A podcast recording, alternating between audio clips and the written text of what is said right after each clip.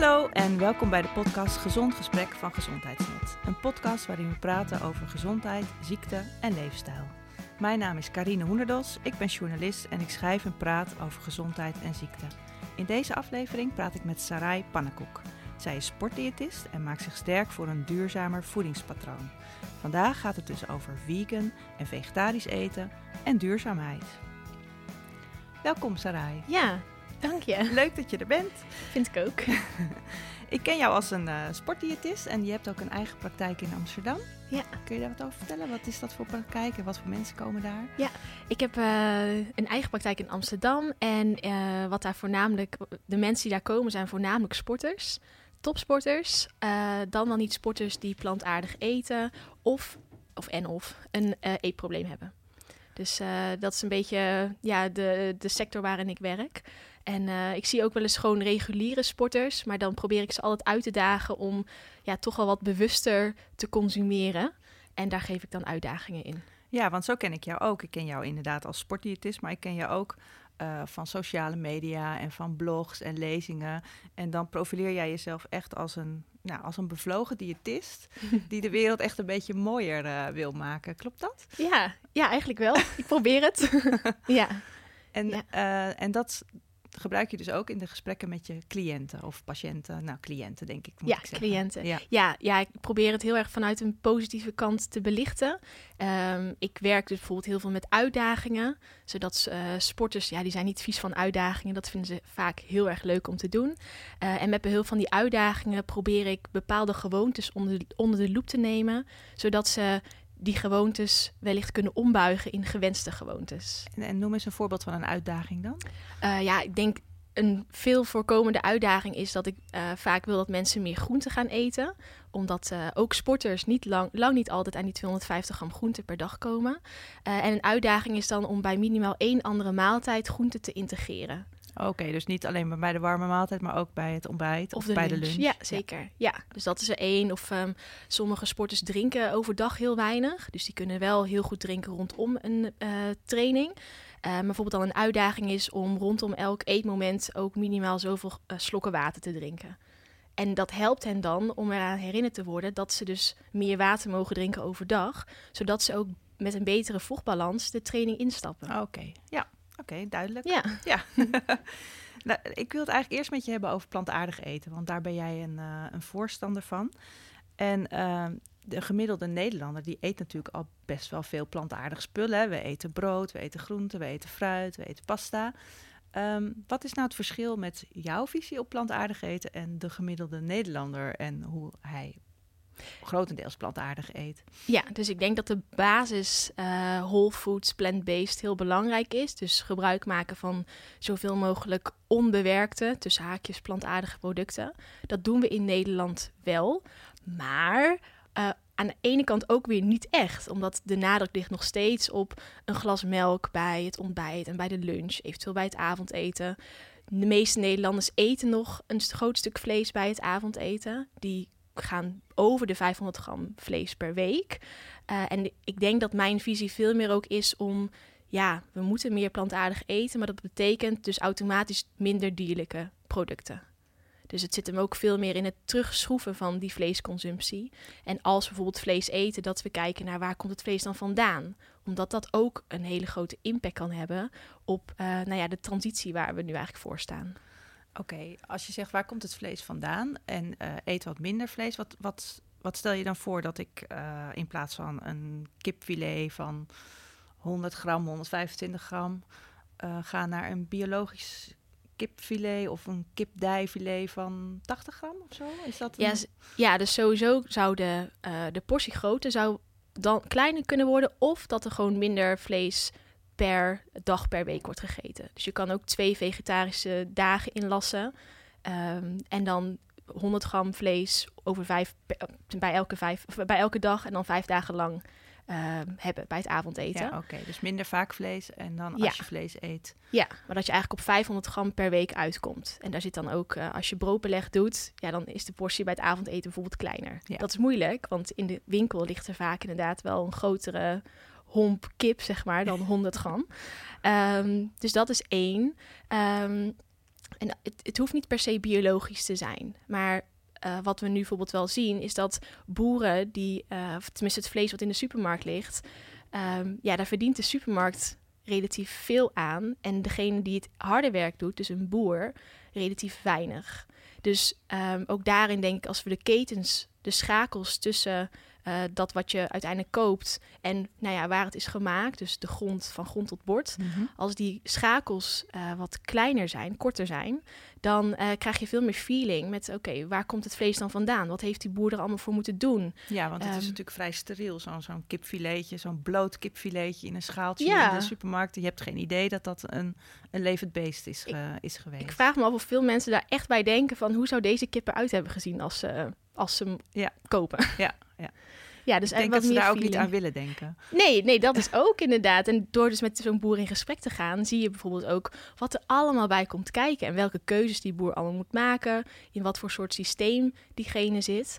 Kijk, en dan kun je natuurlijk wel bijdragen dat uh, het geld dat je betaalt voor zo'n kip, dat dat in ieder geval voor een groot deel gaat naar degene die daar gewoon heel veel werk aan heeft gehad. Ja, oké. Okay, dus dat is een van de aspecten of een van de redenen dat jij vindt dat mensen meer duurzaam moeten eten. Dat is een meer gelijkwaardige verdeling van, de, van het geld en dat het, uh, de boer uh, beter betaald wordt voor zijn uh, product. Maar is er ook een gezondheidsaspect aan meer plantaardig eten? Ja, ja, dus ja, dat is er ook. Ja, want ja, je hebt het, ik bedoel, duurzaamheid is, je kan het hebben over inderdaad CO2-uitstoot en noem maar op. Maar we weten uit onderzoek dat mensen die meer uh, onbewerkt plantaardig eten, dat die ook een minder groot risico hebben op het krijgen van hart- en vaatziekten en andere chronische ziekten.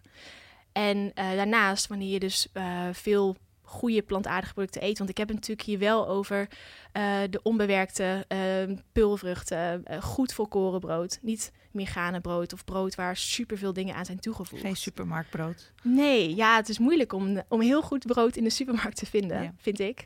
Um, maar je ziet dus ook dat uh, die mensen die krijgen ook veel meer vezels binnen.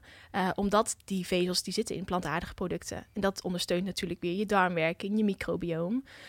Um, dus er zijn ook heel veel uh, ge gezondheidsvoordelen die daarmee samenhangen. En die zul je niet meteen merken, maar wel op latere leeftijd. Nou, ik denk dat je darmen, dat je dat vrij snel merkt, of niet? Ik denk het ook wel dat eigenlijk. Die, dat die beter gaan werken. Ja, ja, ik denk dat ook trouwens wel, ja. ja.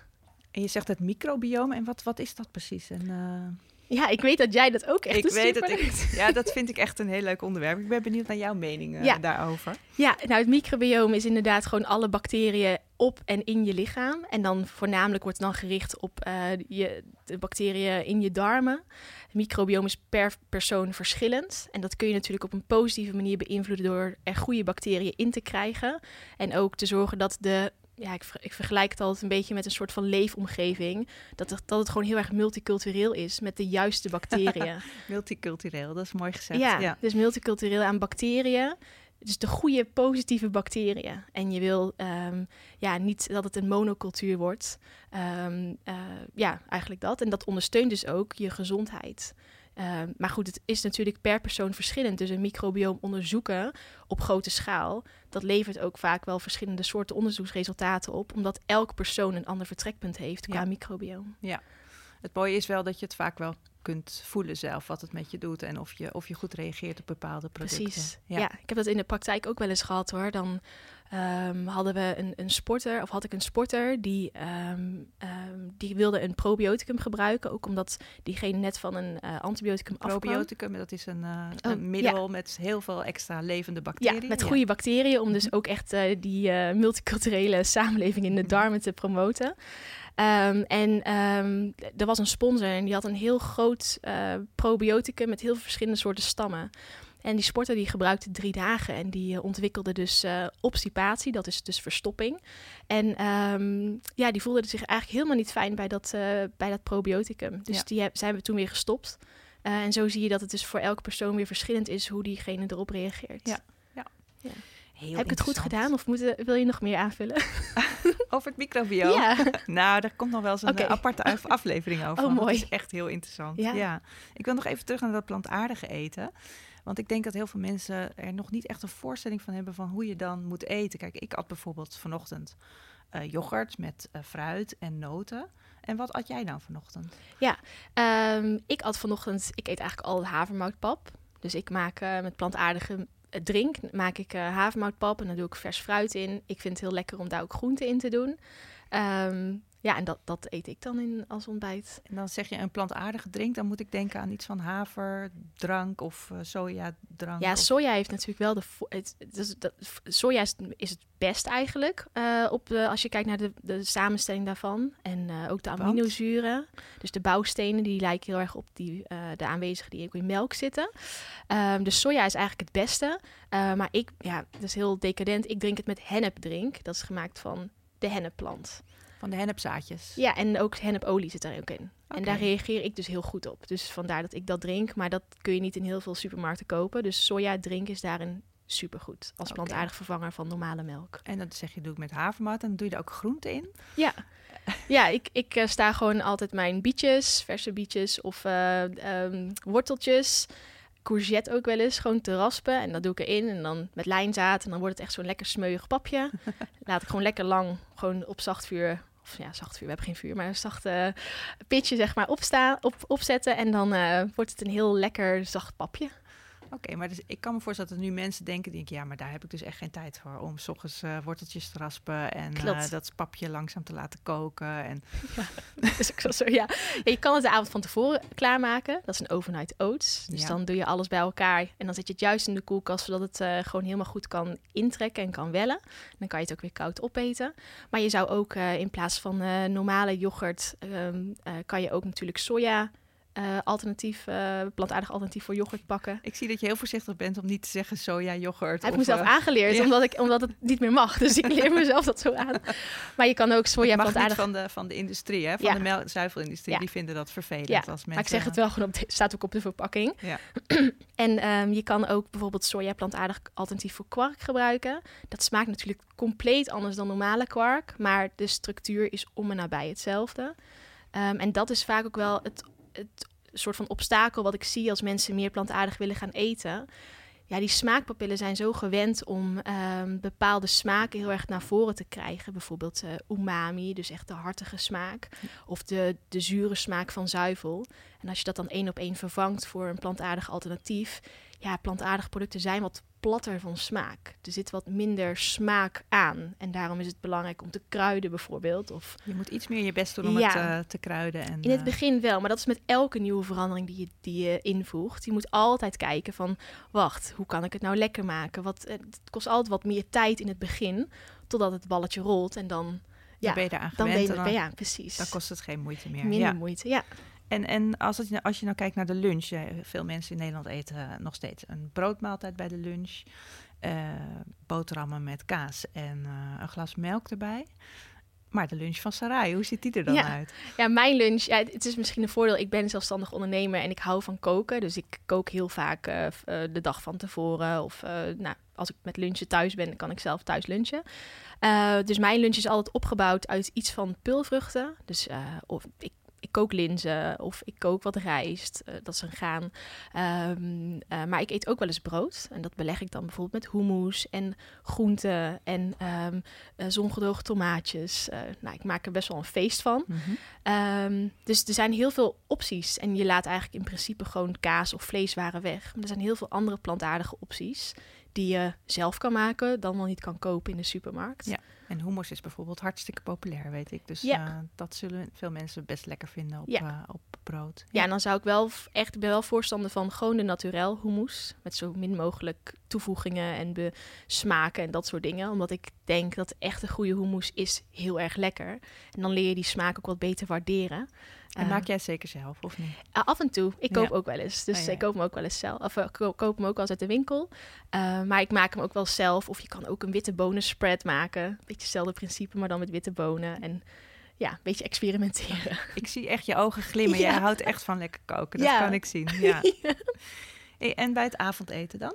Ja, het avondeten heeft een beetje hetzelfde principe als de lunch. Dus um, uh, ik hou heel erg van rijst. En nu ik meer in de wereld van duurzaamheid duik, um, zie ik dat rijst uh, eigenlijk het minst duurzame graan is. Dus uh, ja, daar ben ik nu een beetje in aan het worstelen van hoe ga ik het dan inpassen. Maar ik maak heel veel gebruik dus van granen, rijst, maar ook parelgort. Um, quinoa gebruik ik niet meer. Zou wel kunnen, maar dat is vanwege duurzaamheidsoogpunt ook niet heel erg handig voor nu. Uh, maar vaak is iets van granen, iets van groenten en dus iets van pulvruchten. Dus uh, heel vaak tempeh of tofu gaat er doorheen. Maar dus ook weer... Tempeh, tofu, dat is zeg maar de... de... Gefermenteerde soja. Ja, precies. Dat is, en soja is een pulvrucht. En soja is een pulvrucht, ja. En dat is niet zo heel lekker als je het zo eet. Dus je moet het eigenlijk altijd wel marineren. Mm. Zeker tempeh, dat heeft best wel een, uh, een hele ja, bittere smaak, omdat het dus gefermenteerd is. En, um, uh, ja, en daar maak ik dan een gerecht van. En nou ja, ik ontwikkel ook recepten. Dus ik ben altijd wel bezig met nieuwe combinaties proberen te maken. Maar ik heb bijvoorbeeld ook heel vaak hele lange, drukke dagen. En dan zorg ik gewoon dat ik een uh, snelle go-to maaltijd heb. Bijvoorbeeld uh, uh, linzenpasta die ik dan kook met groenten en um, champignons en wat pesto bijvoorbeeld. Heel simpele maaltijden. Ja, het dan, kan ook snel plantaardig Ja, eten. het kan ook heel snel. En wat ik heel vaak bij mijn sporters juist probeer te promoten. Um, en dat hoeft niet eens dus een plantaardige maaltijd te zijn. Hè, want heel veel sporters die vinden bijvoorbeeld koken helemaal niet zo leuk. Is juist om ze wel de keuken in te coachen. Maar dan wel met makkelijk te maken recepten. Bijvoorbeeld recepten van max 20 minuten. Uh, en wanneer een recept dan heel lekker is, dat ze die dan ergens bewaren. Dat ze eigenlijk altijd een klein ja, mapje hebben in hun telefoon of, of fysiek. Uh, en dat ze altijd als ze dus een lange dag hebben, dat ze weten, oh wacht, ik heb nog succesreceptjes. Ik kan één van deze recepten maken. Ja, okay. En dat je het echt meer gebruikt voor wanneer je dus um, uh, meer de tijd hebt, dat je dan echt gaat experimenteren. Want niemand zit erop te wachten om, als je een keer om half acht thuis bent van het werk, om dan nog een hele maaltijd in elkaar te moeten flansen. En, ja, en je weet niet wat het weet niet wat er uitkomt. Dus ja, dan, precies. precies. En dan ben je meer. Uh, en ik spreek ook uit ervaring. Dat deed ik in het begin ook. Dus nu heb ik het op die manier opgelost. En het werkt. Oké, okay. nou, Ja. heel goed. Um, ik heb het idee dat, dat vegan eten echt een enorme hype is. En uh, we zijn hier in Amsterdam in het Vondelpark. En uh, uh, Amsterdam is denk ik wel een beetje de bakermat van vegan eten in Denk Nederland. Het ook, ja. En jij woont in Amsterdam. Denk je niet dat je in een soort bubbel bent en dat in de buitengebieden van Amsterdam, zeg maar de rest van Nederland, dat daar gewoon eigenlijk helemaal niet zoveel plantaardig wordt gegeten of dat daar weinig aandacht uh, voor is? Uh, ja, dat is, een hele goede. Ik ben me heel erg bewust van de bubbel waarin ik leef. Um, ik kom oorspronkelijk uit Zeeland en ik ben opgegroeid in Os. En toen ik net, want ik eet zelf dus voor het grootste gedeelte veganistisch. Ik ben een aantal jaar heel streng veganistisch geweest en nu wat minder weer.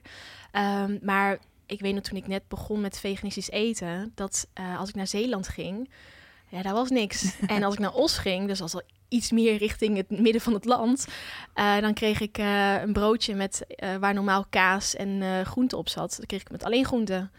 Dus ik wist dat het, het loopt hem, ja, het, het, het, komt nu wel. Want als ik nu naar Middelburg ga, dan weet ik daar dat daar wel een paar veganistische tentjes zitten. Ja. In Os idem dito. Uh, dus dat is heel erg vanuit mijn eigen referentiekader. Uh, maar ik weet wel, Amsterdam is volgens mij ook echt de veganistische hoofdstad van Europa, geloof ik. Oh ja? We hebben heel veel veganistische ik dacht tenten. dat Berlijn was eigenlijk. Kan ook, Ja. ja. Ja, ja. Maar volgens mij Amsterdam heeft ook wel een of andere belangrijke plek daarin gehaald. Uh, dus het is wel ook een bubbel waarin ik leef. Ja. dat het heel makkelijk is om inderdaad tempeh en tofu te kopen. Of dat het uh, heel makkelijk is om bijvoorbeeld die linzenpasta te kopen. Ja. ja, ik weet waar ik het moet kopen. Maar die winkels die heb je lange na niet in uitgestrekte gebieden Nee. uh, in Nederland. Nee, oké. Ehm, En ik denk dus ook wel, als ik nog even terug mag komen op die hype. Ik denk ergens wel dat het een, een soort van hype is. Maar dat er meteen ook, uh, er zit ook echt wel een soort van daadkrachtig iets in. Omdat je ziet gewoon dat mensen bewuster worden en veel meer willen weten waar komt mijn eten vandaan. En bijvoorbeeld dierenwelzijn, dat ze daar toch wel echt steeds meer op gericht zijn of zo. Dus ik denk aan de ene kant wel een hype, maar het gaat niet ook een hype die gaat uitdoven. Nee, nee, precies. Het is, Nee. heeft wel een soort van. eh, heel- het is heel erg aangewakkerd en het vuur is heel groot. Maar hij gaat niet meer uit. Want ik zie gewoon dat mensen meer aandacht krijgen voor sowieso plantaardig eten. Ja. Dus of het nou vegetarisch is, of flexitarisch, of echt veganistisch. Maar je ziet gewoon dat mensen. Ze willen meer weten. Ja. meer weten waar hun voedsel vandaan Ja. komt. Ja, oké. En ehm, ik zie het ook wel dat eh, vrij jonge, met name meisjes, eh, starten en die zeggen ik wil vegan gaan eten. En eh, soms heb ik het idee, maar misschien moet je mij corrigeren als ik het fout heb, maar soms heb ik het idee dat het ook ehm, een manier is om je eten zo te beperken dat je eh, heel snel kunt afvallen, zeg maar een, een beginnende eetstoornis kan veroorzaken. En je zei in het begin al dat je eh, in je praktijk ook mensen met uh, eetstoornissen ziet. Klopt dat, mijn gevoel daarbij? Of? Ja. ja, en ik denk dat dat geldt voor elk soort dieet wat zou kunnen leiden tot minder eten en vooral ook obsessief met eten leert omgaan. Ja. Maar ik heb in de praktijk wel heel veel, vooral ook meiden gezien die veganistisch gingen eten, maar dat er eigenlijk al een sluipende eetstoornis um, was die eigenlijk alleen maar erger werd. Ja. Waardoor ze steeds minder gingen eten. Want het veganisme, je, je hebt wel veel voedingsstoffen, veel producten nodig om uiteindelijk onderaan de streep voldoende binnen te krijgen. Ja. Um, dus het is heel makkelijk om dan te denken, ja, ik eet hier een vegan uh, broodje of een vegan. Maar je moet eigenlijk heel goed gepland eten om alles binnen te krijgen wat je nodig hebt. Ja. Maar ik, uh, ik zie het wel. Maar het zou net zo goed ook bij een andere um, voedingspatroon voor ja, kunnen tuurlijk was het vroeger was dat vegetarisch eten of uh, een andere manier van eten. Maar ja. wat doe jij met die, met die meisjes? Zijn het dus meestal? Ja. ja, dus het is heel goed voor mij om door te vragen. En ik zie natuurlijk mensen wel altijd in combinatie met sport. Dus um, voor mij als iemand uh, heel, um, ja, ik zeg maar even dun is, ja. een aantal maanden al veganistisch eet, um, en ook wel ja, mensen met eetstoorn, die een eetstoornis hebben of een, aan ontwikkelen zijn, die hebben heel veel oog voor detail. Nou, vaak komt dat dan naar voren in een gesprek. Dat ik denk van, oh wauw, die weet wel precies hoeveel calorieën of oh, hoeveel gram eiwit of hoeveel gram koolhydraten er in dit product zit per portie. Ja, dat is niet een standaard uh, gegeven wat iedereen weet. Dus Waarschijnlijk vaak... weet jij het zelf niet eens. Nee, ja. of ik weet het wel en dan denk ik, hoe, hoe weet je dit dan? Maar, maar dus dan, en dan probeer ik het wat te linken. En uh, ja, uiteindelijk komt het dus wel naar boven. Dat daar dus een groter eetprobleem onder zit. Maar het is, als we kijken gewoon naar het ontstaan van eetproblematiek, dan heeft dat vaak een diepere, um, er zit een diepere laag onder. Ja. En dit kan al manifesteren door bijvoorbeeld veganistisch te eten, maar het kan zich ook manifesteren op andere uh, manieren. Dus, ja, ik wil ook niet zeggen dat je door vegan nee, eten precies. een eetstoornis ja, ontwikkelt. Precies dat, ja, ja, precies dat. Ja. Dus maar, um, maar zo ga ik er dus, ik, ik, ik, vang het op. En op basis daarvan is het dus vaak, hebben ze wel echt een aversie al ontwikkeld voor alles dierlijks. Dus dan is het voor mij heel belangrijk om te kijken wat zijn dan plantaardige producten die ik dan kan integreren. Die heel gezond zijn op dit moment en heel veel energie hebben. Ja. Um, uh, en uiteindelijk in de coaching die aversie voor dierlijke. Dus aversie is dat iemand er niet, niet meer tegen kan. Um, om die dan weer te proberen te integreren. En er zit ook een stukje mindset bij. Psycholoog werkt ook altijd mee samen. Ja. Om dat echt uh, weer uh, ja, gezond te krijgen, zeg maar, die gedachten. Ja, want over gezondheid gesproken, het is natuurlijk, je zegt dat al, het is best ingewikkeld om uh, als je helemaal vegan wil eten, dus helemaal plantaardig, geen enkel dierenproduct, geen melk, geen eieren, geen kaas. kaas, geen honing, geen vlees natuurlijk, geen vis. Om dan alles binnen te krijgen wat je binnen moet krijgen. Wat zijn bijvoorbeeld dan de aandachtspunten? Waar let jij altijd op in de advisering? Ja, ik denk dat trouwens heel veel uh, huidige veganisten dit niet zo zien. Maar als voedingskundige zie ik dat wel, inderdaad. Dat het, uh, om het echt volwaardig te laten plaatsvinden, moet je er wel wat meer verstand van hebben. En vooral ook weten wat je doet voor nu en voor later. Mm um, maar inderdaad, de aandachtspunten zijn voor mij. Nou, ik werk dan met sporters, maar ik denk sowieso al in het algemeen dat, um, dat mensen wel kijken naar de verschillende soorten eiwitten die terugkomen in een voedingspatroon. En uh, dat je dus uh, te maken hebt met aan de ene kant noten en zaden, aan de andere kant peulvruchten zoals bonen en kikkererwten. En aan de andere kant die granen waar ik het net over had. En dat je die gedurende de dag zoveel mogelijk wilt combineren met elkaar, zodat er aan het eind van de dag uh, alle, alle aminozuren, dus dat zijn de bouwstenen van je lichaam, dat je die binnenkrijgt. Ja, want het idee is dan dat er in, in melk en in vlees van alle aminozuren ja. al aanwezig zijn, maar in plantaardige eiwitten moet je die combineren om, om, uh, om al die aminozuren binnen te krijgen. Ja, ja, ik vergelijk het altijd met een ketting. Dus je hebt een, een hele grote kralenketting.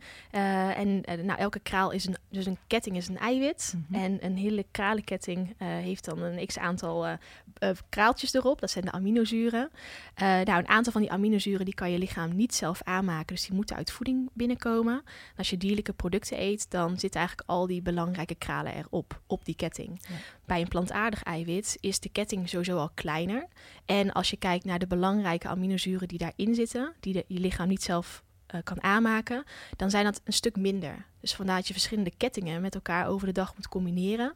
Om aan het einde van de dag al die kralen die je lichaam nodig heeft en die zelf kan aanmaken om die binnen te krijgen. Ja, oké. Dus Ja. dat is één punt, de eiwitten. Eiwitten, ja. Andere is dus ook bijvoorbeeld vitamine B12. Eh cobalamine, dat is een vitamine die ehm, nou, aangemaakt wordt door verschillende bacteriën. En die komt voornamelijk in dierlijke producten voor. Hij komt ook wel voor op eh, bijvoorbeeld eh, plantaardige producten zoals champignons en zo. Alleen die vorm van vitamine B12 kan ons lichaam niet activeren. Dus ja, je hebt er niks aan. Dus vandaar dat vitamine B12 supplement heel belangrijk is. Ehm, en ik het daarin wel belangrijk vind dat mensen van tevoren even hun labwaarde controleren. Om enerzijds te kijken wat hun vitamine B12 status is. Dus of ze het überhaupt wel goed Met kunnen labwaarde opnemen. bedoel je, moet, ze moeten hun Bloed bloed, prikken, eh, ja. laten prikken om te kijken hoeveel B12 erin zit. Ja, ik denk dat dat voor iedereen wel handig is om te doen, af en toe. Maar, ehm, maar om zeker te weten, omdat je het nu wel gaat... Je hebt natuurlijk wel een voorraad B12 in je lichaam zitten... voor Mhm. ongeveer drie à vier jaar. Ehm, alleen als je eenmaand B12 tekort hebt... dan ja, dat is wel een heel, is heel vervelend voor jezelf. Is wel Wat merk je daaraan dan? grote gevolgen. Eh, ja, je centraal zenuwstelsel wordt, wordt aangetast. Oh, Ja, dat dus, klinkt eh, best heftig. Ja, Ja, ja. en eh, vaak moeten mensen dan meerdere shots en alle, eh, allerlei dingen halen. Dus dat is best wel een zwaar traject. En, ehm, eh, maar goed, ik denk dat dat niet alleen voor veganisten geldt. Ik denk dat het voor me- meerdere mensen geldt of belangrijk kan zijn om vaker bloed te laten prikken. Eh, maar B12 kan je dus suppleren. En het is wel zo, hoe meer vitamine B12 je inneemt per keer in een supplement, hoe minder het lichaam uiteindelijk kan opnemen. Wordt een beetje lui. Ja. ja, en ik denk dat het te maken heeft natuurlijk met dat stofje wat in de dunne darm zit. Wat ervoor zorgt dat B12 wordt geactiveerd. Hm. Ehm, maar je ziet bijvoorbeeld op de markt dat er heel veel vitamine B12 supplementen echt 1000 of 2000 microgram per tablet eh, hebben. Terwijl je hebt in principe maar bijna 3 microgram per dag nodig. Maar ja, de laagst gedoseerde is vaak rond de 500 microgram. Dus in plaats van dat elke dag te suppleren, zou je het dan misschien twee à drie keer per week kunnen suppleren. Dat je in ieder geval netto voldoende binnenkrijgt. Oké. Een andere is eh, vitamine D. Ehm, nou, dat is een, een vitamine die we aanmaken door middel van zonlicht. Ook hierin geldt, eh, laat eerst je bloed prikken om te zien waar je op dit moment staat met je vitamine D-status. En dan kan je dat dus met behulp van een supplement suppleren. En in de zomer voldoende naar buiten gaan. Ja. Tussen, oktober, tussen april en oktober. Omdat dan in Nederland eh, tussen oktober en april, die wintermaanden, staat de zon te laag aan de hemel. Waardoor we nauwelijks vitamine D aanmaken in ons lichaam. Eh, een andere is ijzer. Zeker voor vrouwen en vrouwelijke sporters. Ehm, Want, waarom is dat voor vrouwen belangrijk? ja, voor vrouwen, omdat eh, zeker als je, ehm, eh, omdat we ongesteld eh, worden, dus we verliezen één keer in de maand heel veel bloed. En ijzer is natuurlijk heel erg belangrijk voor het transport van zuurstof in, in het bloed. En ehm, je hebt namelijk twee verschillende soorten ijzer: heemijzer en non-heemijzer. En heemijzer zit dus in dierlijke producten, zoals in rood vlees. Eh, maar goed, dat eet je niet als veganist zijn. Ja. Dus je krijgt eigenlijk alleen maar ijzer uit non-heemproducten. En die opneembaarheid is dus minder goed. Dus dat betekent dat je een grotere behoefte hebt aan het mineraal ijzer, zodat je aan het einde van de dag voldoende ijzer binnenkrijgt. Je hebt wat meer ijzer nodig dan iemand die wel vlees eet. Ja, factor 1,8. Dus dat is heel veel. Oké. Ja, dat is heel veel. Voor vegetariërs en voor Dus stel dat je 10 Veganisten. milligram ijzer per dag nodig hebt, dan heb je als veganist 18, 18, milligram. ja. Oké, dat is een groot verschil. dat is ja. een heel groot verschil. Is dus dat moeilijk om dat voor elkaar te krijgen? ja, als ik het hoe ik het bereken, dan zie ik het vaak dat daar wel nog ehm, ja, het een en ander eh, gedaan voor moet worden om dat allemaal dan binnen te krijgen. Ja. Maar nu eerst een woord van onze sponsor. Gezondheidsnet is de meest gelezen website over gezondheid in Nederland. Maandelijks komen er zo'n 3 miljoen unieke bezoekers en dat aantal groeit nog steeds. Gezondheidsnet biedt betrouwbare informatie over talloze medische onderwerpen en voeding, maar ook over bewegen en uiterlijk. Op Gezondheidsnet lees je over gezondheidsproblemen en wat je eraan kunt doen. Informatie vind je snel via de zoekfunctie of de encyclopedie. Heb je nog vragen, dan kun je terecht bij een team van experts met diverse specialismen, zoals een kinderarts, fysiotherapeut en voedingsdeskundige. Je vindt ons op gezondheidsnet.nl, maar uiteraard ook op Facebook, Twitter en Instagram.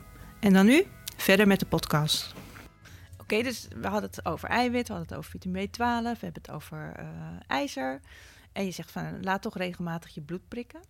Ehm, waar doe je dat eigenlijk? Ja, dat kan dan via de huisarts. Oké, dan kun, Dus, je een aan- kun je bij hem of haar langs gaan en vragen. Ja, om je bloed te prikken. In de sport doen we het minimaal twee keer per jaar. En dat komt omdat we heel graag we- willen weten hoe een sporter uit de zomer rolt. Vooral op, op vitamine D gericht. Dus rond oktober, november laten we een sporter... Uit de zomer rolt. Ja, eigenlijk gewoon wat de vitamine D-status is uh, na de zomer. Mm zodat we weten of, dat, of die status dan genoeg is om de winter mee door te komen. En ook om zo te zorgen dat we gericht suppleren bij sporters die heel slecht uit die zomer rollen met een hele lage vitamine D-status, daar is een ander suppletieprotocol voor dan een sporter die eigenlijk heel goed daaruit rolt.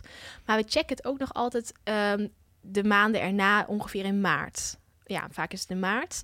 Dan doen we opnieuw een, een bloedbepaling, omdat we dan weten van, hey, heeft dat vitamine D-suppletieprotocol gewerkt voor die sporter? Ja. Uh, en ook omdat we dan meteen weten van, moeten we dan nog iets doen voor de aankomende maanden richting de zomer of niet. En uh, het is vooral gericht op vitamine D. Uh, omdat vitamine D ook in verband wordt gebracht met het immuunsysteem. En dat ligt, hè, het immuunsysteem ligt bij sporters best wel vaak onder vuur door de zware trainingen.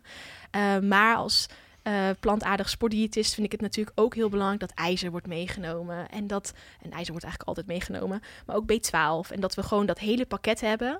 En zo weten we namelijk uh, hoe zo'n sporter op bepaalde supplementen reageert. Oké, en dat geldt voor sporters, maar jij zegt eigenlijk iedereen die meer plantaardig wil gaan eten, zou het best goed zijn om dat eens uh, te testen. ja, ik denk zelfs ook voor mensen die niet plantaardig eten. Het is sowieso denk ik gewoon goed, ook juist voor vitamine D, dus niet eens alleen B12, om te weten van hoe kom je nou eigenlijk die, die zomer uit? Heb je veel in de zon gezeten? Neemt je, kan je lichaam heel goed vitamine D aanmaken of juist minder? Um, en zeker ook na de winterperiode in maart. Hoe heb, hè, heb je dan elke dag je supplement gepakt? Of deed het maar één keer in de maand, omdat je toen weer aan werd herinnerd? Uh, om zo echt meer grip te krijgen op dat stukje vitamine D en dus de andere voedingsstofjes. Ja. Prik jij wel eens je bloed? Uh, nou, toevallig heb ik uh, niet zo heel lang geleden mijn vitamine D laten bepalen. Oh, maar ja. dat is, of nou wel voor de, aan het eind van de zomer. En dat was toen heel hoog, maar ik kom ook best wel veel buiten. Ja, maar, dat weet uh, ik. In de duinen. in de duinen, precies.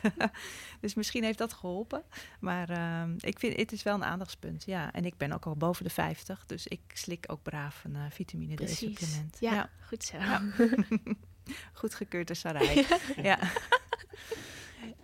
Maar als ik het zo hoor, hè, ik kan me voorstellen dat mensen nu denken van... jeetje Mina, het is best wel ingewikkeld, dat plantaardig eten. En is het wel, is het wel zo gezond? Want uh, ik denk dat de mens van nature uh, een omnivoor is. Hè. We, we eten eigenlijk uh, alles. De eerste mensen aten ook vlees en vis. En dat is mede de oorzaak dat, wij, dat onze hersenen zo goed zijn ontwikkeld.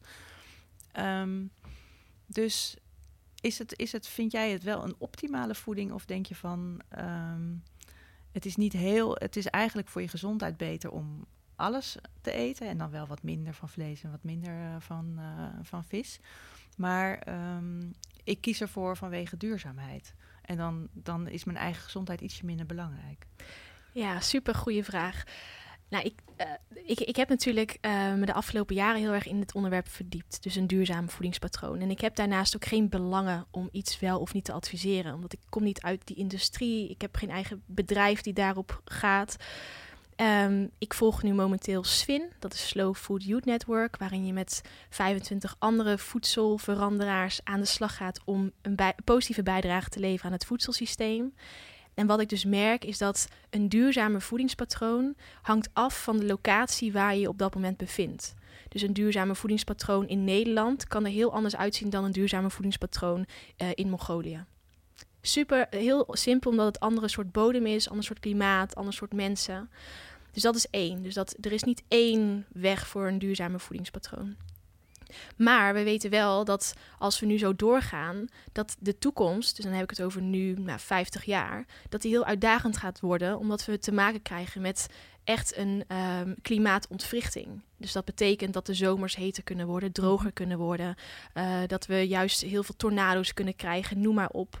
En dat zijn allemaal factoren die we niet meer kunnen controleren, maar die wel uh, meteen ook onze voedselveiligheid bedreigen. Want ja. als wij hetere zomers krijgen, dan kunnen de boeren minder snel daarop inschakelen en hebben we een groot verlies aan gewas, ja. waardoor ook weer minder eten.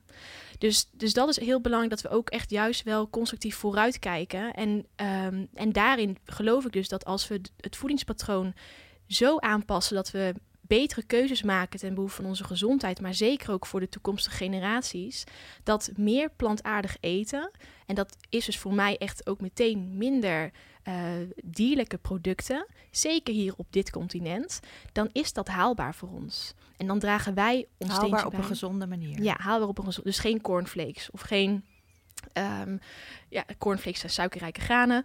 Uh, ook geen Oreo koekjes, want die zijn ook veganistisch. Nee, maar wel op een gezonde manier. Dus zoveel mogelijk onbewerkt. En ik weet dat jij die, die mening ook natuurlijk deelt. Zoveel mogelijk onbewerkt.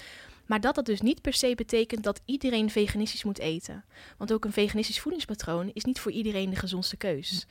Dus daarin denk ik dat we allemaal wel vooruit moeten denken en ook daarna moeten handelen. Dat is moeilijk, want voeding is natuurlijk super persoonlijk en cultureel. Er zitten heel veel tradities in, ook mhm. met vlees eten. Dus we moeten er... We moeten, oké. We mogen... we moeten, we moeten niks. We mogen dus de uitdaging om uit onze comfortzone te stappen, of in ieder geval die op rek te zetten, mhm. dat we gewoon meer gaan experimenteren buiten die comfortzone. Comfortzone. En, ehm, eh, maar dat we, we moeten wel vooruit. Dus we kunnen, er hier, we kunnen er nog super lang over praten. Maar we weten dat de gemiddelde Nederlander te veel vlees eet. En het vlees dat hij eet is vaak ook bewerkt en ook rood vlees. Dus al, daar zit al een winst in te behalen. Bewerkt vlees is bijvoorbeeld uh, de kant-en-klare slavink of de hamburger. Ja. Of... ja. De vleeswaren. Vleeswaren, ja. ook. Ja. Dus als we daar al ons op focussen om dat minder te doen. Dus om uh, vlees op brood al te vervangen, ik zeg maar wat voor hummus. Of juist heel die broodmaaltijd even aan de kant te zetten en een goede salade te maken. Jee, daar ben ik een fan van. Ja, en dan niet alleen met sla, maar juist ook met goede granen, met pulvruchten. Nou, allemaal goede producten die heel veel gezondheidswinst kunnen opleveren. Um, dus, dus, en, en dan zie, zien we ook dat zelfs als je kijkt naar Nederland, ons kleine kikkerlandje, dat op sommige gebieden is het juist heel goed om bepaalde gewassen wel op een biologische manier te kunnen telen. Bijvoorbeeld in Groningen. Maar bijvoorbeeld in de, de Flevopolder juist weer niet, omdat het een hele andere bodem is. Dus het is ook steeds meer beter kijken naar wat werkt dan wel. Um, en kringlooplandbouw is daar een heel mooi voorbeeld van. Dus om echt, uh, uh, echt circulaire landbouw, dus dat alles echt in een cirkeltje weer wordt gebruikt en weer terugkomt. En dat je geen zo, zo min mogelijk restproducten hebt. Ja, dan maak je echt hele mooie stappen. En ik denk dat daar zit bijvoorbeeld meer plantaardige voeding, komt daar helemaal bij kijken. Maar daar, staat ook, daar kan ook een stukje vlees in. En daar kan ook wat vis in. Dat is makkelijk. Alleen niet meer in de hoeveelheden die, we, die de meeste mensen nu zijn gewend. Ja, oké. En jij zegt dus van uh, ook als we wat juist als we wat minder gaan eten, dan wordt onze voeding uiteindelijk toch nog gezonder. Ja. Dan, zoals hij nu is. Ja, zeker. Ja. En, en daar zit ook al zo'n mooie uitdaging in om. Ik, ik, liep laatst ook in de supermarkt en ik, ik kom dus wel steeds minder in de supermarkt. En ik snap dat dat best wel ook ja, dat komt omdat ik er gewoon echt mee bezig ben. Want wat wil ik dan wel supporten en niet? Maar het is niet zo dat ik boos ben op de supermarkt, want dat is ook weer niet zo. Maar ik stond voor het pindakaaslandschap. Ik weet niet of je daar onlangs bent geweest. Het pindakaaslandschap, ja. Ja, en ik keek naar die twee of drie meter aan pindakaas. Nou, oké, misschien is één meter. Eén meter pindakaas. En ze hadden zoveel smaken pindakaas. En dan denk ik van, jongens, dit, dit maakt ons niet gezonder. Dit zorgt ervoor dat onze kinderen nog meer suiker willen, want het zijn allemaal zoete smaakjes die eraan worden toegevoegd. Tuurlijk is het goed om pindakaas met palmolie te vermijden. Maar eigenlijk heb je maar één of twee hele goede pindakazen in het hele landschap staan. Laten we ons daarop richten. Op juist Gewoon die 100% pindakaas 100% zonder, zonder toevoegingen, en zonder palmolie. En, en zo kan je dat eigenlijk bij elke productgroep wel doen. Dus bij elke productgroep is er een, echt een gezondere keuze, maar ook een betere keuze die voor jezelf gezond is, maar ook voor de toekomstige generaties, dus onze planeet. Ja. Um, maar ik, ik geloof ook dat we, we zijn ook omnivoren. En dus voor sommige mensen, ik heb het in de praktijk gezien, sporter, uh, topsprinster, adveganistisch. De vraag is natuurlijk hoe iemand dan zijn veganistisch voedingspatroon indeelt. Is dat 100% mijn advies of is het een beetje tweaken? Uh, alleen diegene die had wel um, labwaarden, die we bloed die lieten we heel mhm. regelmatig prikken. En die had een teruglopende testosteronwaarde. Iets wat noodzakelijk is in de wereld van het uh, mannelijk hormoon. Ja, mannelijk hormoon, wat heel belangrijk is voor spierkrachtontwikkeling of spierontwikkeling. En um, nou, voor zo'n iemand werkt het veganistisch voedingspatroon niet. En dat hebben we meerdere malen wel geprobeerd om het weer echt te optimaliseren, maar het lukte niet. Nee. En dan is het eigenlijk heel dan werkt het niet. Ja. Dan is het dan moet toch je wel, toch af en toe een stukje vis eten. Precies, of, uh, wat vlees. En, en dus ik geloof ook niet dat er één voedingspatroon is voor iedereen. Nee. Maar ik denk dat iedereen binnen de eigen huidige voedingspatroon... dat er echt wel wat manieren zijn om die comfortzone iets op te rekken om betere keuzes te maken voor echt ehm, ja, lange termijn. Voor je kleinkinderen, zeg maar. Ja, ik zeg eigenlijk altijd voor je kinderen en je kleinkinderen. maar is, ik heb geen kinderen, dus dat is heel makkelijk om te zeggen. Maar dat bedoel ik heel Ja. vaak wel. Ja. Ja, oké. Ja. Je had het net al over de, over de supermarkt en over de industrie. Want ehm, ja, die, die pakken deze hype natuurlijk ook op. Hè. Die zien natuurlijk een nieuwe markt. Ja. En ik zie al ehm, bijvoorbeeld van die reclames op de straat, in die abris, er staat van margarine, over margarine reclames. En dan staan de planten zijn de nieuwe koeien. En er zijn eh, vegan kipnuggets te koop in de, in, de, in de snackbar. En er zijn vegan koekjes. Alles wordt geveganiseerd, zullen we maar zeggen. Ehm, wat, vind je, wat vind je daarvan? Want ik heb daar wel mijn vraagtekens bij, Ja. maar ik vermoed dat jij dat ook hebt. Ja, ik vind het verschrikkelijk. Het is heel simpel. Ja, dus ik vind het verschrikkelijk. Eh, volgens mij heeft Nestlé kondigde een paar dagen geleden aan om alle ijsjes die ze verkopen, om die ook te veganiseren. Ja, het blijft nog steeds bewerkte rommel. Dus ik vind het fijn dat er in ieder geval een plantaardig alternatief is voor degene die dat dan willen. Alleen het zijn nog steeds producten die je met uit, bij uitzondering moet gebruiken. Ja. Dus natuurlijk gaat de industrie hierop mee. En ook toen ik die abri zag met planten zijn de nieuwe koeien. Het eerste wat ik dacht was, nee, ga die planten nou niet uitmelken. Dat dacht ik. Ik vond het geen fijne reclame, omdat ik dacht, dat, nee, dat, dat, vind ik dus niet. Want het gaat nog steeds om bewuster consumeren. Het gaat nog steeds om zoveel mogelijk onbewerkte, dus whole foods, plant-based. Dus echt het, het onbewerkte, om daar meer voor open te staan. Om open te staan voor de, de, de verschillende pulvruchten die Nederland te bieden heeft. In de verschillende delen van Nederland. Ja. Om de granen meer te waarderen. Ehm, dus, dus veel meer dat stukje onbewerkt. En ja, ik vind het, het is leuk dat er voor veganisme meer aandacht wordt gevraagd. Maar ja, we zien daar gewoon een nieuwe epidemie eh, op komt. Of die is er eigenlijk al. Met, eh, Ja, want je kunt eigenlijk dus ook wel heel ongezond eten als je vegan eet. ja, ja, ja dat, dat, heb ik, dat zie ik wel eens voorbij komen. Ja, Bij mensen. zie je dat dan? Nou, op dingen die op social media. Mensen die, eh, die allerlei eh, nieuwe fluffjes en vegan dingetjes eh, promoten. Terwijl ik denk, ja, maar dit. Ik, ik weet niet wat nou beter is eigenlijk voor je gezondheid en voor de planeet. Ja. Dit bewerkt een stukje veganistische burger, bla bla bla. Ja. Of dan een gewone tartaar. uit- Ja. Ja. Dus, dus, dus ik denk dat dat de valkuil is. Omdat we nu denken, oh, we, hè, we hebben eigenlijk het kapstokje van... we moeten meer plantaardig eten, minder dierlijk. Dat is beter voor gezondheid en voor milieu. Oh, wacht, we gaan alles veganiseren. Dus dan gaan we het wel toevoegen met suiker. Ook heel veel palmolie. Want Ja. dat is ook wat vaak wordt vergeten... dat daar nog heel veel palmolie juist in zit. En ehm, eh, ja, dat, dat vind ik dan echt super, super jammer om te zien. Dat ik dan denk van ja, maar dit is niet gezonder. Het is wel plantaardig, maar je, je krijgt nu wel weer een shot suiker Ja. binnen. Ja. En dat is hetzelfde met de niet-veganistische koekjes. Dat is ook zo. Dus Ja, oké. je moet, we moeten kritisch blijven. En niet altijd denken, als, Precies. als het plantaardig is, dan is het dus goed voor me. nee, dat, dat zo. Nee, je moet altijd. Je moet. Je mag altijd zelf. Maar nee, ik denk wel gewoon moet. Nee, ik denk wel moet. Het is goed om jezelf aan te leren om ingrediënten te lezen. Om te weten wat erin zit en hoe bewerkelijk het is. Hoeveel suikers erin zit, hoeveel palmolie. Ik denk dat dat echt wel moet voor... Het, komt gewoon. Ja, het- je ziet gewoon zoveel verschillende producten... dat je eigenlijk niet meer weet als consument... wat is nou echt gezond? En Ja. hoe kijk ik nou voorbij die claims en die mooie verpakking... en al die kleurtjes en uitroeptekens. hoe doe je dat dan? ja, goede vraag. Dus dat is de, de verpakking pakken. Eventueel je leesbril opzetten. en gaan kijken naar wat is dit eigenlijk? Is het een ontbijtproduct, een graanproduct? Nou, dan wil ik granen. Je draait de verpakking om en je gaat naar de ingrediënten. Je gaat niet alleen naar de voedingswaarde kijken, maar juist naar de ingrediënten, eh, ingrediëntenlijst. En je kan onthouden dat wat er na ingrediënten dubbele punt komt, het eerste woord, is zeg maar wat het het meest in zit. En helemaal op het eind, dat zit juist het minst in. Ja. Dus als je weet, ik wil een volkoren graanenproduct hebben voor mijn ontbijt, hè, voor yoghurt en, en het wat, dan moet daar wel vlokken, volkoren tarwevlokken of whatever, moet daarin zitten.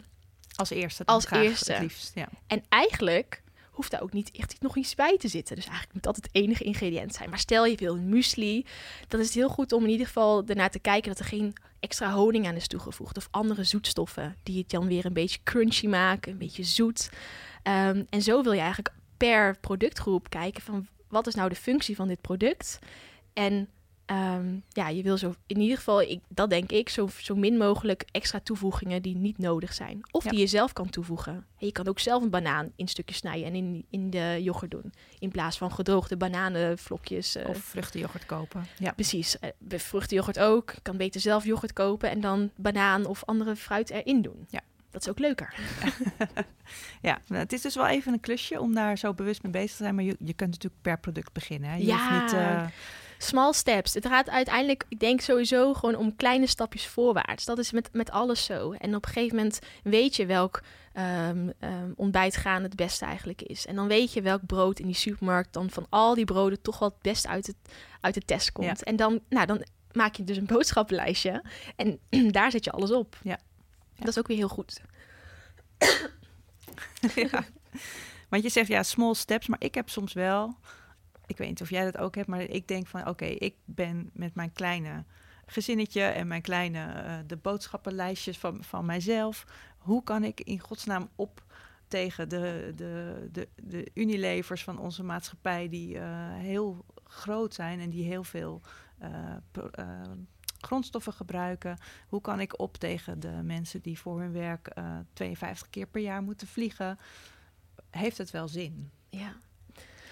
Ja, ik heb dat ook heel vaak. Ik ben wel een optimistisch Ja. mens hoor, maar soms denk ik dat wel. Ja, ik heb dat ook heel vaak. Ik heb heel vaak ook dat ik, dat ik eigenlijk overweldigd word van eigenlijk ja, een soort van onmacht die, die ik dan voel. Ehm, maar ik, ik probeer me eigenlijk altijd wel te beseffen dat elke stap die je neemt is weer, heeft een rimpeleffect. Dus elke positieve bijdrage die je kan leveren, die kan, je kan iemand, ehm, je kan al zorgen dat iemand met een beter gevoel eh, wegfietst omdat je naar diegene glimlacht. En diegene voelt zich goed, dus die glimlacht misschien weer naar iemand anders. En eigenlijk bij elke keus die je dus maakt, ehm, kan je dat rimpeleffect dus, dus positief beïnvloeden. En daar geloof ik dan heel erg in. Dus ik geloof erin dat je gaat het toch niet met zoveel miljard mensen allemaal eens worden over één ding. Dat gaat nooit gebeuren. Nee. Ehm, maar ik denk wel, ik denk wel, ik ga even een stokje nemen. Maar ik denk wel dat ehm, als we beter voor de aarde willen zorgen, dan is het belangrijk dat we vooral bij onszelf beginnen. Dus dat we bij onszelf naar binnen keren en die rust en die stilte omarmen. En vanuit daar dus ook met compassie juist met elkaar omgaan. En dat we eh, welke stroming je ook, ehm, voor welke stroming je ook activistisch bent, dat nog steeds gaat het uiteindelijk het allerbelangrijkste fundament is, is de liefde. De liefde die je dus die je hebt en die je kan uitstralen. En met sommige mensen hebben het niet breed, dus die kunnen niet elke keer naar een slager toe gaan, omdat het gewoon te duur is. Maar ook daarin st- bestaan weer stapjes die ze kunnen maken om bijvoorbeeld vaker met pulvruchten te koken. Ja. En om bijvoorbeeld ehm, nou ja, daarin om hulp te vragen. Of juist bepaalde initiatieven die juist worden opgezet, zodat mensen meer samen gaan eten. Dus ik denk dat die collectiviteit is daarin echt een heel belangrijk onderdeel. En dat verliezen we heel vaak nog uit het oog in deze hele snelle, snelgaande maatschappij. Mhm. Waarin eh, die collectiviteit, ja, het wordt heel vaak best wel gepolariseerd juist. Dat we allemaal tegenover elkaar staan. En dat komt omdat mensen heel erg focussen op de verschillen. Terwijl we hebben zoveel overeenkomsten. Ja. En als we daarop focussen, maar we gaan wel constructief onze comfortzone een klein beetje op, op rek zetten. Ja, dan geloof ik dat de mensheid ook echt wel mooie stappen kan maken. Maar ik voel wel de urgentie. Dus ik heb wel iets van, ik kan hier niet nog 50 jaar over blijven doordiscussiëren. We moeten wel stappen maken. Ja. Dus ook daarin Unilever die nu, volgens mij hebben ze de vegetarische slager laatst eh, opgekocht of overgenomen. Ja, aan de ene kant denk ik van, hmm, is dat wel oké? Maar aan de andere kant, daarmee kunnen ze wel meer mensen bereiken om in ieder geval open te staan voor wat vaker plantaardig. Ja.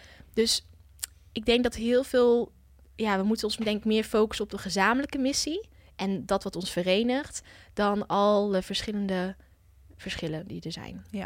Oké, nou, Ja, toch best optimistisch. ja.